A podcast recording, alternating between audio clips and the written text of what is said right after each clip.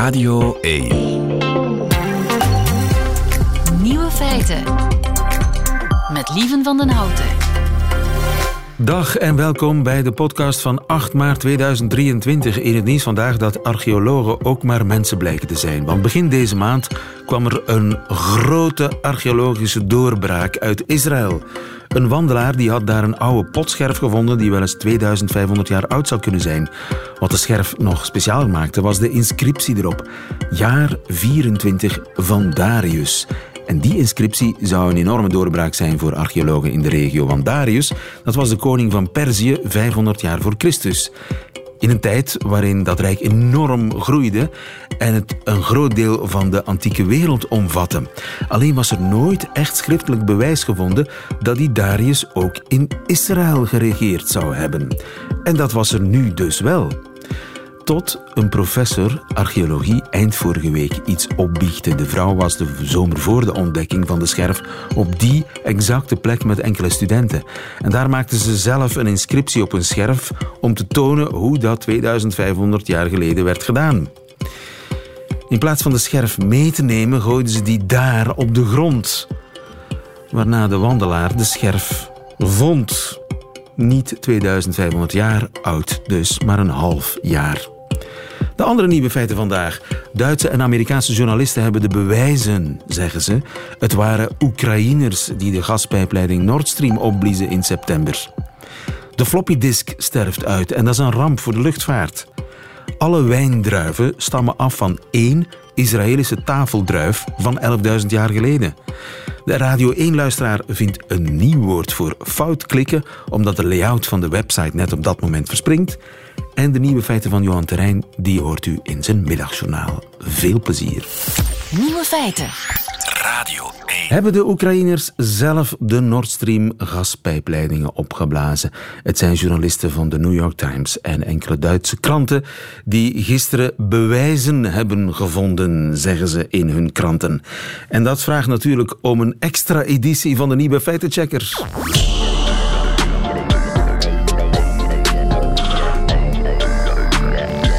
De nieuwe feitenchecker.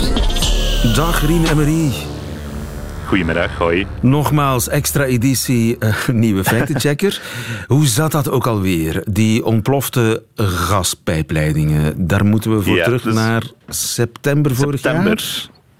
September 2022 ontploffen ehm, drie van de vier gaspijpleidingen die Russisch gas naar Duitsland brengen. Nord Stream 1 en Nord Stream 2. Eentje is dus bewaard gebleven. Ehm, en meteen is het een, een, een, ja, een ehm, zwarte pietspel waarbij alle partijen naar elkaar wijzen van nee, de Amerikanen zeggen dat het de Russen zijn, de Russen zeggen dat het het Westen was, enzovoort. Dus de theorieën eh, circuleren al maandenlang. Ja, en nu? Maar dus gisteren komt er, ja, gisteren komt er een, een, een nieuwe theorie, er komen nieuwe feiten bovendrijven. En het is eh, voornamelijk eigenlijk een gedetailleerd verhaal in de, in de Duitse pers, eh, die Zeit en ARD. Die zegt van ja, wij hebben ge- gesproken met de onderzoekers die momenteel bezig zijn in zowel Zweden als Duitsland als Denemarken om ja, een strafrechtelijk onderzoek te doen naar die sabotageactie van die, van die pijpleidingen. Eh, en zij zeggen ons dat ze de boot gevonden hebben waarmee men eh, die explosieven is gaan plaatsen onder de zee. Juist, Ehm, de boot. Een en? boot. Een boot die zou vertrokken zijn uit de Duitse haven van Rostock.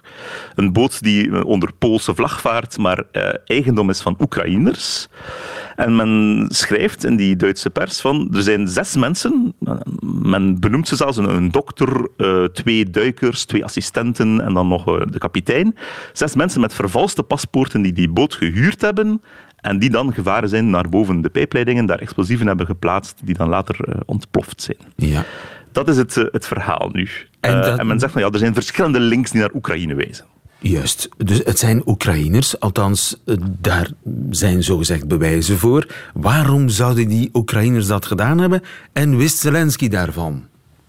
Ja. Dus eh, waarom zouden de Oekraïners dat gedaan hebben? Omdat Oekraïne al lang tegenstander was van die Nord Stream pijpleidingen, omdat natuurlijk Russisch gas al langer en de afhankelijkheid van Russisch gas al langer een, een, eh, een, druk uitoefent op het Westen die nooit in het voordeel van Oekraïne is. Dat zou een motief kunnen zijn.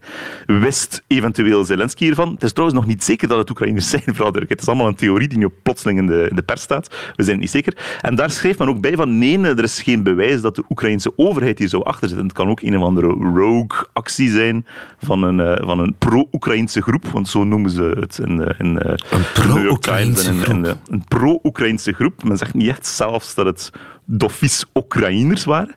Um, maar er zijn, motieven zijn er genoeg. Ik bedoel, voor ongeveer elk land uh, kan je een motief bedenken waarom ze tegen die Nord Stream pijpleidingen waren. Uh, zelfs de Russen zelf zouden het kunnen opgeblazen hebben om een eentje bewaard hebben, om dan toch nog uh, langs die ene pijplijn aan te bieden van ah, we kunnen nog altijd gas leveren, wetende dat die eigenlijk al lang stil lagen. Er, er vloeide geen gas, er zat nog gas in de pijpleidingen, maar het vloeide niet meer naar Duitsland. men had de, de, de gastoevoer al afgesloten, zeggende van dit gaat toch nooit meer opgestart worden. We blazen ze op. We kunnen ondertussen met de vinger wijzen naar het westen en nog eentje sparen om dan toch nog uh, indien nodig gas te leveren. Dat zou het eventuele motief zijn voor de Russen. Uh, ja, dat, dat, de Amerikanen tegen Nord Stream waren, dat is al altijd zo geweest. Dat, ze, hebben zelfs sancties ingevoerd tegen bedrijven die aan het, uh, het leggen van die pijpleidingen meededen. Dat is, en Biden heeft verschillende keren herhaald van ja, Nord Stream 2, de tweede pijplijn mag er nooit komen van ons. We zijn daar tegen. We gaan dat zorgen dat we dat tegenhouden. Dus iedereen heeft motieven. Het is echt een uh, Agatha Christie who done it. Um, maar hoe genoeg. overtuigend is nu het bewijs dat aangesleept wordt in de Duitse pers en in de New York Times? Wel, dat is, dat is natuurlijk de vraag. Um, veel van die verhalen zijn van ja, het zou kunnen, motieven zijn er genoeg en een vaag verhaal van ja, die heeft het gedaan. New York Times staat er eigenlijk geen details in. De Duitse pers wel. En dat is het interessante uh, aspect eraan, want er bestaat zoiets als OSINT-onderzoek, Open Source Intelligence. Er is zoveel beschikbare informatie, satellietbeelden, camerabeelden, etc., dat iedereen van thuis uit achter zijn computertje kan beginnen checken of die details in het verhaal wel kloppen. En dat is exact wat er gebeurd is, bijvoorbeeld met de theorie die vorige maand al gelanceerd werd door Seymour Hersh, een onderzoeksjournalist die een klein beetje van het padje is. Die beweerde van ja, het waren de Amerikanen samen met de Noren en ze zijn vertrokken daar met dat schip, et cetera. En ja, Oostend-onderzoekers hebben die details beginnen onderzoeken en dat bleek dan allemaal niet te kunnen kloppen. Nu doet men hetzelfde. Men is dus al gisteren begonnen met het opvragen van alle camerabeelden van de 6 september, de dag waarop de boot zou vertrokken zijn in de haven van Rostock. Uh, die camerabeelden beginnen opvragen, satellietbeelden beginnen opvragen, transponderdata, et cetera. Men gaat dat ook kunnen checken, dit. Dit zal al uiteindelijk uitkomen of het klopt of niet. En het zal zeker uitkomen vanaf de strafrechtelijke onderzoeken in Duitsland en Zweden en, en Denemarken afgerond zijn. En dat daar de procureur uh, vermoedelijk een persconferentie gaat geven en zelfs ja, verdachten in verdenking gaat, gaat stellen okay, dus, uh, eens dat het afgerond is. Zelfs al weten we het nu nog niet zeker, uh, door deze doorbraak of semi-doorbraak of vermoedelijke doorbraak gaan we het wel uiteindelijk toch zeker weten. Ik denk het wel. Ik denk dat er uiteindelijk een dader zal kunnen aangeduid worden. Vooral omdat er echt wel veel details in vermeld zijn in dat verhaal. Men heeft letterlijk gezegd van, we hebben de boot geïdentificeerd. We zijn op die boot geweest als onderzoekers. We hebben daar een sweep gedaan, forensisch. En we hebben zelfs um, sporen van explosieven gevonden op de tafel in de boot. Dus uh, men... men, men allez, dat zijn echt lekken uit, de, uit het onderzoek. Um, het kan ook zijn, ja, wat er achter die lekken zit, is natuurlijk een groot verhaal. Um, het kan zijn dat men een goede afluister, afluistercampagne klaar heeft staan en wil zien hoe men reageert in verschillende landen op dit verhaal dat nu in de pers verschijnt. Um, waarom, waarom er gelekt wordt naar de pers is altijd, uh, dat is ook is altijd, de grote vraag. Ook altijd interessant. maar ik ben ervan overtuigd dat we ooit gaan weten wie het gedaan heeft. Dat, dat is, dat, daar ben ik zeker van. Ja. ja, en jij bent de eerste die dat hier komt zeggen natuurlijk. Rien en Marie, waarvoor dank. Goedemiddag. Goedemiddag. Het ontbreekwoord. Rick de Leeuw gaat op zoek naar woorden die onze taal helaas nog niet bestaan. En zo maken we de geboorte mee van een nieuw woord. Elke week op woensdag in Nieuwe Feiten. De ontbreekwoordenlijst die uh, wordt alsmaar langer en indrukwekkender. U kunt ze vinden op radio1.be. Een paar voorbeelden. Bakerdag. Bakerdag, de dag waarop je moeder of vader wordt en het ouderschap zich in je leven nestelt. Donderslags, herinner ik mij, van de ene dag op de andere. Uh, nog eventjes, een nog eventje. Dat uh, is iets wat je bewaart, maar waarvan je weet dat je toch binnenkort zult weggooien. Goedemiddag, Ruud Hendricks. Hallo. Ruud, op verplaatsing uh, vandaag per uitzondering. Normaal gezien ben je hier jurylid, ja. zeer aanwezig in de studio. Ja. Maar uh, wij zullen het uh, met jou op afstand doen. Rick ja. de Leeuw is er ook. Goedemiddag, Rick. Goedemiddag. Je bent de beschermheer van het ontbreekwoord, de uitvinder ervan, hè? de grote roerganger van het ontbreekwoord. ja. Naar welk woord gingen we op zoek in de laatste uitzending? We waren op zoek naar een woord voor een regelmatig voorkomend ongemak op internet. Namelijk waarbij je precies klikt op het moment dat de layout van de pagina verspringt. Met alle gevolgen van dien. Oké. Okay. Ja? Een, een soort. Uh, ja, la, uh, uh, net voor het de layout verspringt, klik je. En je hebt per ongeluk op iets anders geklikt. Daardoor. En je komt heel ergens anders terecht dan aanvankelijk de bedoeling was. Ja. En er werd... Moeilijke opdracht, Rick. Ja, ja, er werd vooral heel veel geklikt deze week. We noteerden, let op, kluns, klik, erger, klik, scheef, klik, pineut, klik, prins kikker, klik, drift, klik, spring, klik, bliksem, klik, verdwaal, klik, dol, klik, klits, klik, kemel, klik, hik, klik, plaag, klik, fop, klik, flop, klik, slip, klik en spam, dit is nog maar een greep uit de vele inzendingen. Ook mooi, per ongeklik. Per ongeklik. Ook heel per mooi. Per ongeklik. Nou, ik, ik, vind, een, ik vind het nu al goed een heerlijkheid om dat allemaal te mogen lezen. Ja. Prachtig, ja. prachtig. Hulde, hulde, hulde. Heb jij voor ons een uh, top 7 misschien? Een, een, top 7, maar uh, al deze klikken doen eigenlijk ook wel een beetje mee. Enfin, uh, Marie-Anne Bernards kwam met een verdwaling. Een verdwaling? Hm. Ja, mm. ik hoor, je, uh, ik hoor het monkellachje mm. van het gevreesde monkellachje van uh, de ja, hoofdredacteur van ja, Vandalen. Ja. Je, je weet dat ik met niet zo hou van dat soort van uh, um, ja, woordspelingjes. Vooral met die, die, die verdwaallink. Ik, ik snap het wel, hè. het is een link waarop je knikt en je verdwaalt. Maar misschien als je het zou uitschrijven tot verdwaallink, dan misschien wel. Oké, okay. oké. Okay. Gematigd enthousiasme zoals Gemaakt enthousiast, ja. ja, ja. Nummer twee. Wellicht. Uh, Rosemie de Boeveren zegt een flop-up. Een flop-up. Flop, ja. Pop-up, flop-up. Ja, ja, ja, ook een samentrekking. Ja, ja, ja, ja. Maar ja, dat is het resultaat. Hè? Dus, uh, maar als je dan echt op zoek gaat naar het klikken zelf, ja, dan kom je bij een flop-up. Maar ja, het is, de handeling van het klikken zit daar niet in. Oké, okay, correct, ja, ja, correcte ja, analyse. Kijk, daar heb je de hoofdredacteur van Van Dalen voor nodig. Hè? Dat soort, uh, streng, maar het klopt. Streng, maar het klopt. Nummer drie. Cecile Mies komt met kliksident. Ja, ik vind die toch wel goed hoor. Uh, sorry, uh, het is, ook, is ook een woordspeling, Ruud. Maar een kliksident, ja. Het was, sorry, maar het was een kliksident. Uh, ja, goed. Ik, ik, ik, ik begrijp dat je enthousiast bent. Maar ik vraag me af waarom mensen altijd dat soort samentrekkingen maken. Als je nu zou zeggen een, een klikaccident, dat klinkt direct al veel gewoner dan zo'n samentrekking. Ja. Nu, we doen dat wel. Hè? Een, een, hè, we kennen allemaal misschien wel het botel. Dat is een combinatie van een boot en een hotel.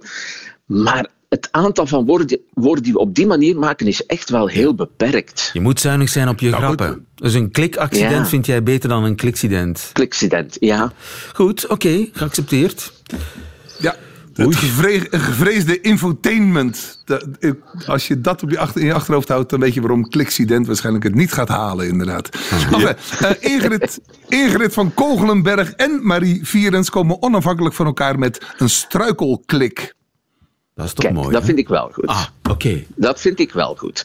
Omdat je echt, het, het hoofdwoord is klik. Dus dat betekent, je weet meteen dat het over een soort klik gaat en daar gaat iets mis mee. Je struikelt over de klik. Dus dit vind ik al een... Uh, een kanshebber. Een kanshebber. Oké. Okay. Struikelklik. Ja? Goed zo, goed zo. Het ligt toch goed in de mond, vind ja. ik. Struikelklik. Ja, ja een struikelklik. Hmm, die KLKL, hè, twee keer. Mooi. Ja, ja, ja. ja, ja goed. Wacht maar, wacht maar. Els Bakkaert en Sophie Feetons, ook weer onafhankelijk van elkaar, komen met miskliksel. Een miskliksel. Naar analogie met het misbaksel. Een miskliksel. Ja, kijk, dit vind ik wel leuk, maar eh, dan ook weer voor het resultaat van wat je krijgt. Ja. En de, de hele toestand is een, een geval van een miskliksel. Juist. Hè? Dus, eh, maar als, je, als ik heel streng ben en je zegt het, de handeling zelf, het klikken zelf, ja, dit is het resultaat van dat verkeerde klikken. Dus, dat is ja, de hele toestand. Het streng is een zijn- geval van miskliksel. Daar ben je voor op de wereld gekomen om streng te zijn. En zeker ben je in dit Nee. programma voor gekomen, Ruud, eh, om streng Ja, te zijn. ja, Waarvoor dank. ja. Heerlijk. Goed. eh, Heerlijk, heerlijk, heerlijk. We hebben er nog twee, hè? Ja. Ja, eh, Sophie Wijfels komt met muizenval. Ja, ik snap hem. Ja, Maar- ik ook. maar, Maar je, je, je zet er mensen soms mee op het verkeerde been. Hè? Dus eh, je denkt van. maar dat is ja, het hele idee je- van deze opdracht. Je wordt op het Ah, verkeerde been gezet Oké, goed. Je Ja, bent dan in een muizenval getrapt. Ik ben in een Ja, je muizenval bent in een getrapt. muizenval ik vind het wel leuk, maar, maar, Maar, ja, maar zie je, dus het zijn, het zijn allemaal woorden die er wel iets mee te maken hebben. Maar als het echt over het klikken gaat. Hè, Ja. dus, ik, vind, ja. ik vind die muizenval ook niet slecht, omdat het, het is echt opgezet spel. Het is zo bedoeld dat je, er, dat je erin au, trapt. Dus ik Ja, vind hem toch ja, ook niet slecht. Eh, So- Ja. Sophie Wievels. Nog eentje, Ja. nog eentje, nog eentje. Oké, eh, Chris Verelle, misschien kan die je overtuigen met een koekoeksklik. Koekoeksklik. ja, Dat, is- dat, Eh, dat, dat eh, snoodaardige zit daar ook in. Hè? Dat, eh, Aha, aha. ja, ja. Een klik die je niet Heb je het- hebben een en, paar en de koekoeksjong zit erin. zo- Ja. En we, een paar weken geleden ook niet zo'n samenstelling Juist. met koekoek Ja, gehad. ja, maar hij heeft Ja, nog niet gehaald, dus misschien... Nee, hij heeft het nog niet gehaald. Dus ik denk de aanhouder wint, maar ik weet het toch niet zeker. Goed, ehm, we hebben een paar kanshebbers, maar de vraag Ja. is wie wordt het, of welk woord wordt het, eh, welk woord kunnen we aan de ontbreekwoordenlijst toevoegen? Wel, Ruud Hendricks, het spannendste moment. Ja. Ja, ik blijf ervan overtuigd dat het woord klik erin moet zitten. Dus ik kies voor de struikelklik. We hebben hem, de We struikelklik. hebben hem. Ingrid van Kogelenberg en Marie Vierens, onafhankelijk van elkaar neem ik aan, eh, Rick. Ja, Allebei kwamen ze met het geniale struikelklik. En daarmee hebben wij ons ontbreekwoord van deze week. Welk woord zoeken we tegen volgende week? Tegen volgende week eh, gaan we op zoek naar een passend Nederlands woord voor het Engelse humbling. Humbling, inderdaad. Humbling, Humbling, dat, ja. is, eh, dat is nederigmakend, eigenlijk, als je het letterlijk Zoiets, ja. vertaalt. Nederig stemmend. Ja. Ja. Een humbling, humbling experience is een ervaring die ons inderdaad nederig maakt. Die ons het verrijkende gevoel geeft een klein onderdeel te mogen zijn van een groter geheel. Zoiets, zoiets. Ja. Ja. En dat is helemaal iets anders dan eh, vernederend. Ja. Precies, in Nederland zou zijn ervaring... In Nederland zou zijn ervaring die ons het besef van nederigheid geeft... volgens de wetten van de logica van de taal vernederend kunnen worden genoemd. Of anders kleinerend. Maar ik heb het gevoel dat we daarmee de plank enigszins misslaan, inderdaad. Ja. ja, klopt. Ja, hè? En we hebben dat woord nog niet. Dus we moeten dat dringend hebben. Een woord voor humbling, een Nederlands equivalent voor het Engelse humbling. Reageer via de app of via nieuwefeiten.radio1.be. Rick en Ruud, tot volgende week. Heel graag. Nieuwe feiten.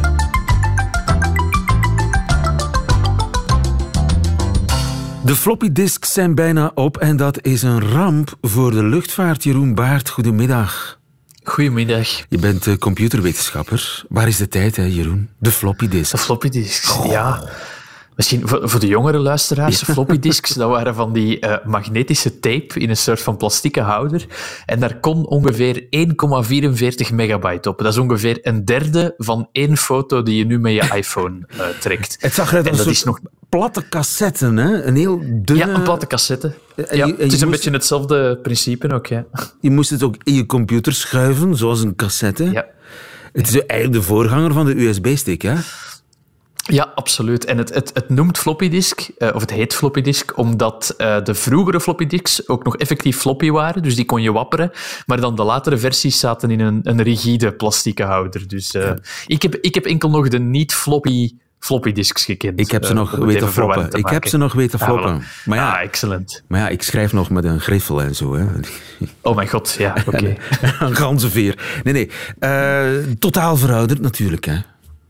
Totaal verouderd, maar eh, in industrieën waar dat je wel eens eh, oude apparatuur kan tegenkomen, eh, dan zit je ook met de datadragers van die tijd natuurlijk. Hè. Ehm, typisch de luchtvaartindustrie, zo van die Airbussen, ja, dat vliegt. dat, is eigenlijk gemaakt om 30, 40 jaar mee te gaan. Ehm, de textielnijverheid, ziekenhuizen, banken, daar zijn vaak nog heel veel oude systemen.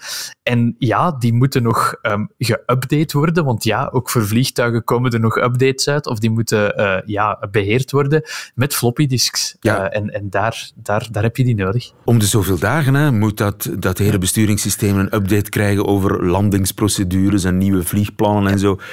Dus als dat per floppy moet, dat lijkt mij omslachtig. Want ja, je, je moet eerst die informatie op een floppy krijgen, voor je die floppy in, het, in, in de gleuf van het vliegtuig kunt stoppen. Op meerdere floppies vaak zelfs. Ja, Ja. dat is omslachtig.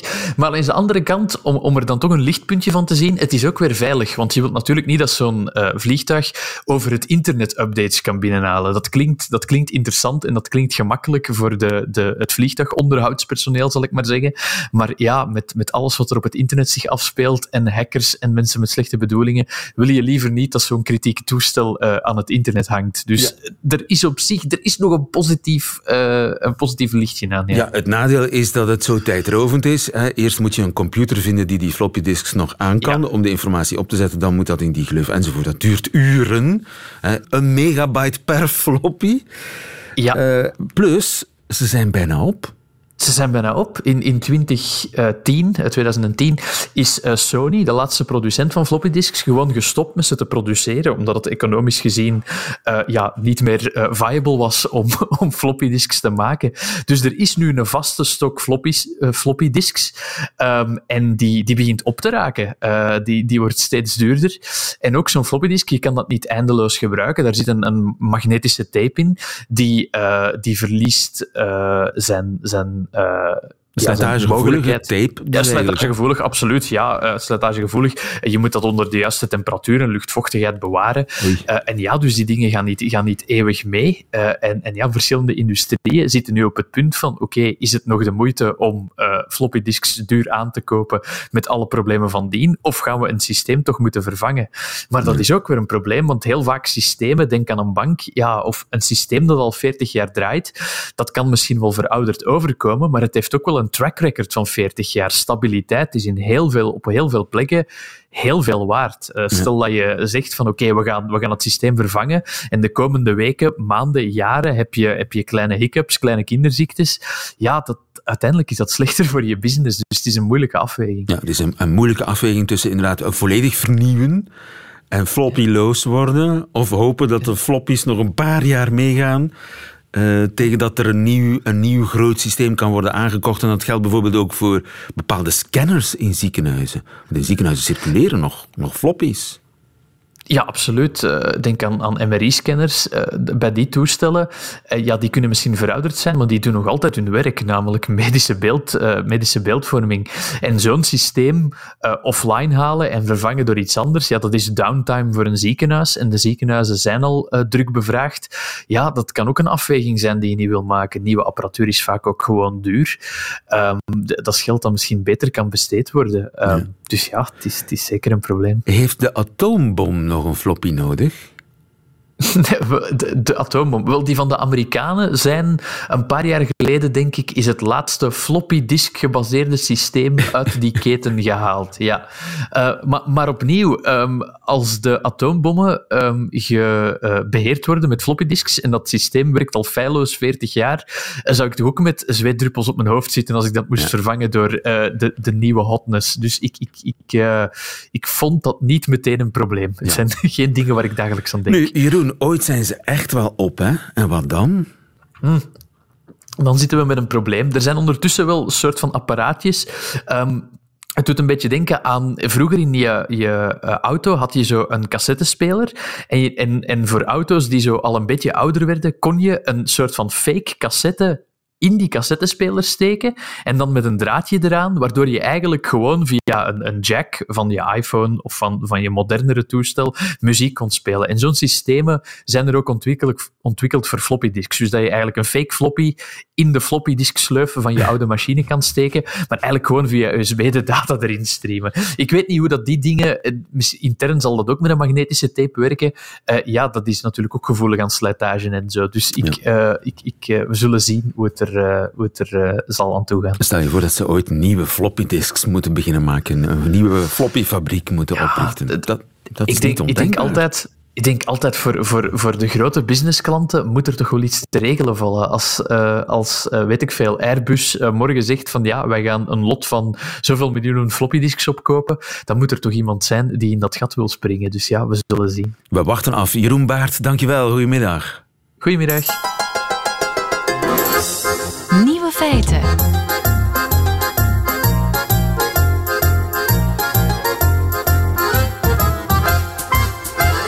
De druiven waarmee de beste Barolo of de chicste Chateau Margaux wordt gemaakt, die komen oorspronkelijk uit Israël. Dennis van den Buis, goedemiddag.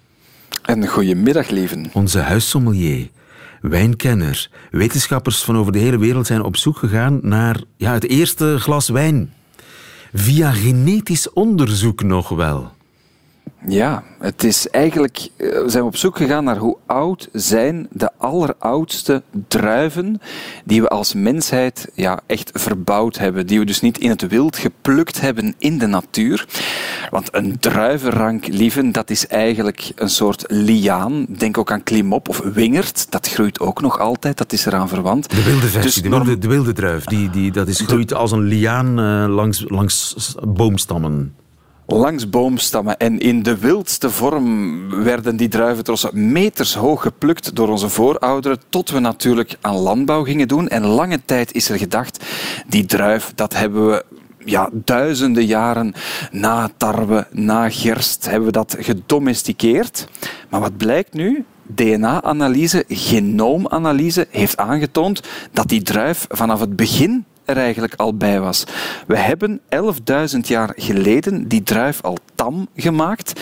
En dat is 3 à 4.000 jaar voor voor we dat eigenlijk op potscherven konden terugvinden. Want archeologische resten hadden we wel, daar konden we dan een soort van wijn zien. We zagen ook aan de vorm van de druivenpitjes die anders waren geworden, dat dat rond 8000 voor Christus in de Caucasus zeker gebeurd moest zijn. Armenië, Georgië. Maar nu blijkt dus dat er veel vroeger in Israël, dat er ook al tamme druiven dicht bij ons als eerste landbouwers moeten geweest zijn. Dus de eerste wijn is eigenlijk een paar duizend jaar ouder dan we gedacht hadden. Moet ik het zo zien? Dat weten we niet helemaal, want we kunnen ervan uitgaan dat zelfs de mens die nog niet aan landbouw deed, duizenden, duizenden jaren geleden al wel doorhad dat druiven heel makkelijk konden vergisten en dan ook heel gemakkelijk ja, tot een soort van roes konden leiden. Maar dat moet eerder aan stoemelings gebeurd zijn.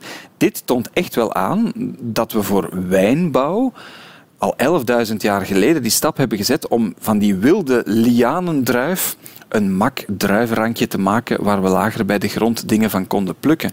En in Israël hebben ze vastgesteld dat dat vooral tafeldruiven waren die daar 11.000 jaar geleden gekweekt werden, ontwikkeld werden. Nu, een tafeldruif, lieven, is een beetje groter, heeft een heel dunne schil um, en is best vlezig. Denk ook aan de druiven die wij graag eten in onze mond steken. Terwijl de wijndruif, die is kleiner, die heeft een dikke schil, uh, veel sappiger, maar uh, ja, veel slapper eigenlijk van structuur. En wat hebben die wetenschappers nu ontdekt? 11.000 jaar geleden zijn er op twee plekken tegelijkertijd processen gebeurd. In die Caucasus, in Armenië en Georgië, hebben zich echte wijndruiven gevormd in de buurt van de eerste landbouwers. En in Israël tafeldruiven. En om terug te komen naar wat jij zegt, hoe komen dan van tafeldruiven die heel anders zijn dan wijndruiven tot bij die Barolo en die Chateau Margaux? Ook dat is onderzocht. Blijkbaar die eerste tamme tafeldruif uit Israël, uit zeg maar de Levant, dat Midden-Oosten waar we altijd over leren, Daar zijn ook mensen richting West-Europa getrokken. En die Israëlische tafeldruiven zijn meegekomen en zijn dan gekruist geraakt met wilde varianten die nog altijd in de natuur rondcirkelden in West-Europa. En het zijn die kruisingen die eigenlijk de voorouders zijn van de Cabernet Sauvignon, van de Merlot en ga zo maar door. Dus het is eigenlijk dankzij een tafeldruif uit Israël dat de Europese wijnbouw, wat zeg ik, de wereldwijnbouw, want alles gaat terug tot die ene druivensoort, die oersoort, is kunnen ontstaan. Oké, dus alle chique wijn komt van een tafeldruif in Israël 11.000 jaar geleden. Ongeveer. Er zijn aan kruisingen uh, gebeurd. Want dat is interessant om te weten. Alles wat ik al vernoemd heb. Je hebt de Vitis. Dat is de grote geslachtsnaam eigenlijk. Van alles wat te maken heeft met, met ja, wat wij nu wijnstokken noemen. En tafeldruiven. Maar ook die wingerd en andere klimplanten. Daar zijn honderden soorten. Maar slechts van één soort, de Vitis vinifera, kan je wijn maken. Bijvoorbeeld in Noord-Amerika heb je een heel andere Vitis-soort. Ja, daar hebben de allereerste kolonisten vruchteloos jaar na jaar geprobeerd uh, in de nieuwe Amerika's om wijn mee te maken. Dat trok op niks en dan hebben ze toch maar die Vitis vinifera die dan hier in Europa is ontstaan met die Israëlische tafeldruif en die wilde varianten, die hebben ze dan moeten invoeren. Dus eigenlijk, ja, het is een soort van toevalstreffer en dankzij die genetische analyse hebben ze dat ontdekt en dat kan ook heel belangrijk zijn voor de toekomst van onze wijn, Aha, beste lieve. Hoezo? Wel, er zijn dus nog altijd soorten, wilde soorten, die teruggaan ja, tot duizenden, wat zeg ik, miljoenen jaren geleden. Uh, die zijn ook ontdekt in dat genomenonderzoek, wilde druivensoorten overal ter wereld, die dus heel, heel, ja, heel bitter zijn, niet lekker zijn, maar wel heel hard gewapend tegen alles wat het klimaat kan doen. Die hebben al miljoenen jaren overleefd, dus daar moet genetisch iets goeds in zitten. En laat dat nu net een probleem zijn, klimaatveranderingen, bijvoorbeeld rond de Middellandse Zee wordt het te warm, hoe kunnen we de soorten die we kennen misschien genetisch helpen door alles wat goed is aan die wilde soorten, waarvan we nu weten dat die al miljoenen jaren bestaan?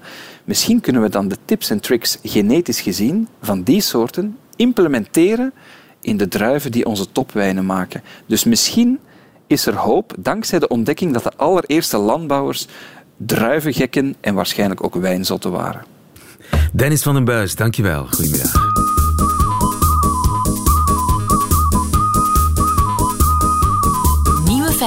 U heeft ze weer allemaal gehad, de nieuwe feiten van vandaag, 8 maart 2023. Alleen nog die van Johan Terrein, die krijgt u nu in zijn middagjournaal. Nieuwe feiten.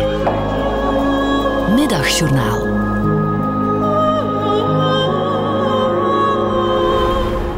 Beste luisteraar, ik begin vandaag met een kleine waarschuwing.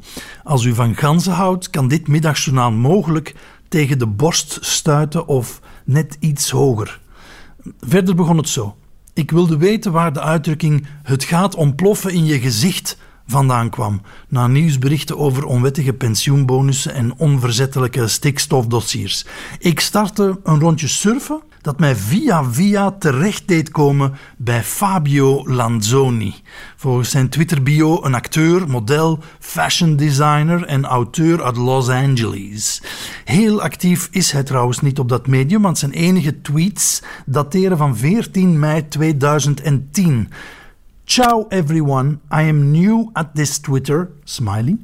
En dezelfde dag ook, just had the most delicious smoothie. Heel goed, leer je deze man niet kennen op dit medium en niets op zijn verlaten account doet vermoeden dat Fabio de enige man ter wereld is die een gans heeft gedood met zijn neus. Oké, ik heb uw aandacht. We zijn 1999, nog net in de vorige eeuw, het tijdperk waar veel spreekwoorden vandaan komen. Er opent een nieuwe attractie in een pretpark in Virginia, de Apollo's Chariot. Een rollercoaster in het teken van de Griekse mythologie. Nogal logisch dat de PR-dienst van het pretpark Fabio uitnodigt, want hij ziet er helemaal uit als een Griekse god met veel spieren en lang haar. Wanneer het karretje na zijn eerste rit van 2 minuten en 15 seconden terugkeert, hangt het gezicht van Fabio vol met bloed. Hij kijkt een beetje beduust. De omstanders moeten gedacht hebben: voor geen geld krijg je mij in deze attractie. En niemand zal gedacht hebben: Hoe garme toch? Er is een gans in het gezicht van deze Griekse god gevlogen. Volgens de overlevering moet Fabio al tijdens de eerste duik van de rollercoaster een gans hebben geraakt met zijn neus. Wat betekent dat hij de rit verder moest uitzitten met het besef dat er net een vogel in zijn gezicht was ontploft, wetende dat er beneden camera's en journalisten op hem wachten aan het einde van die eerste rit. Dat is veel omdragen voor één man in 1 minuut en 15 seconden. En de foto van dat moment is dan ook veelzeggend. Jammer voor de gans wel. Wanneer hij tien jaar later op Twitter verschijnt, is er niemand die hem vraagt welke heerlijke smoothie hij dan precies had binnengespeeld. Er is niet eens een meme gemaakt van die hilarische foto met als onderschrift It might blow up in your face. Maar heel misschien is daar wel stiekem het spreekwoord ontstaan dat ik deze week moest denken toen ik de krant opensloeg.